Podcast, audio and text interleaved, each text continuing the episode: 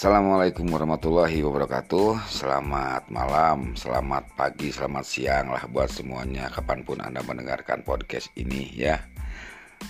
Gara-gara Pak Sugih dan Pak Cecep bikin, bikin podcast Saya pun belajar.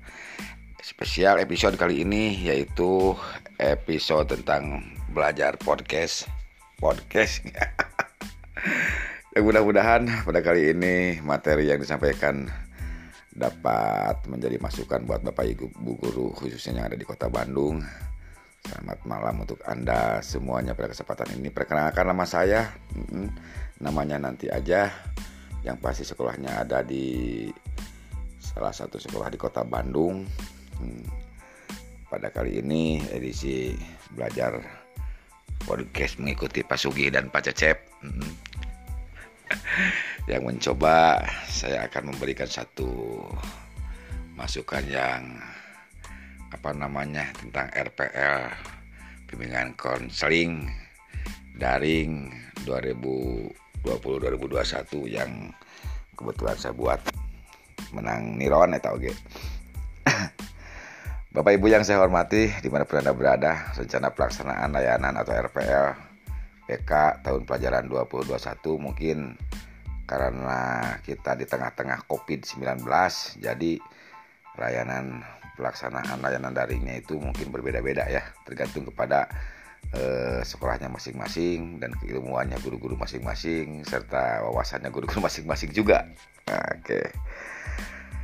Bapak Ibu guru yang saya hormati yang berbahagia Kali ini akan saya sedikit sampaikan beberapa perangkat BK yang saya pakai untuk jenjang sekolah saya sendiri.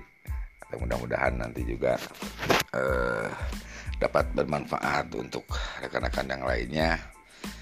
Ya perangkat BK yang saya gunakan eh, dalam darurat pandemi COVID-19 ini mengacu pada surat edaran Mendikbud nomor 4 tahun 2020 yang mana artinya perangkat BK ini bersifat darurat Nah, ketika nanti layanan BK sudah normal kembali secara luring, maka perangkat BK akan kembali seperti biasa.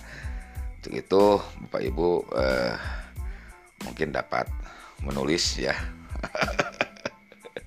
Bukan menulis itu tawannya.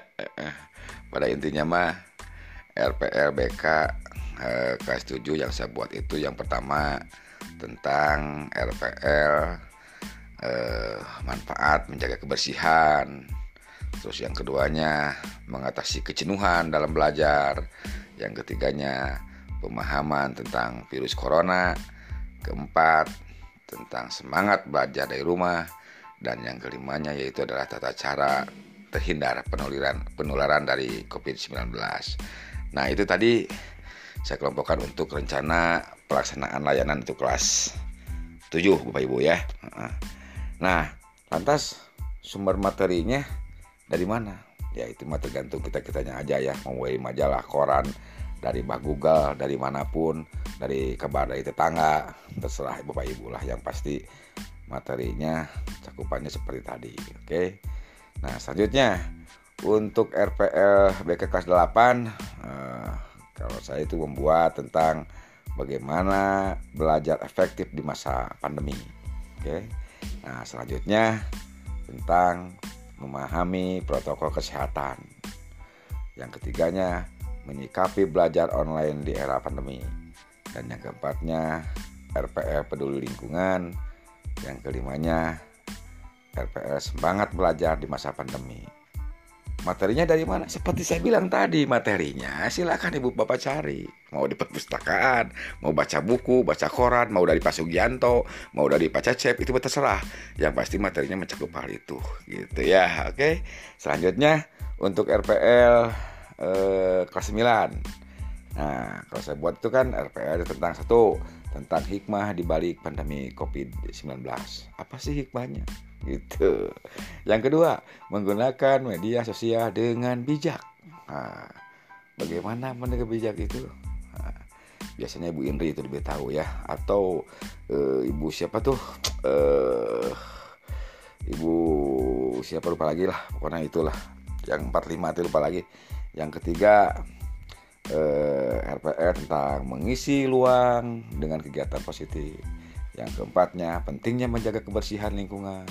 Yang kelimanya, tetap bahagia di, di tengah pandemi COVID-19.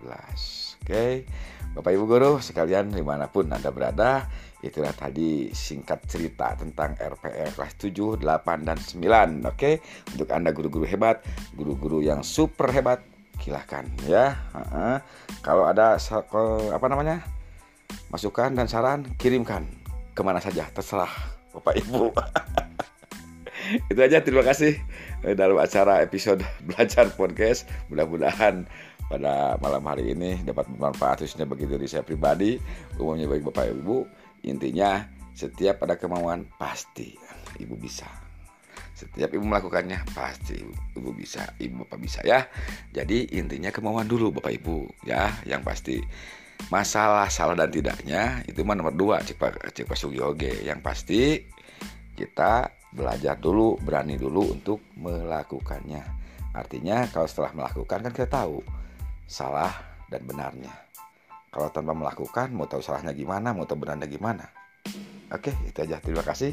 Wassalamualaikum warahmatullahi wabarakatuh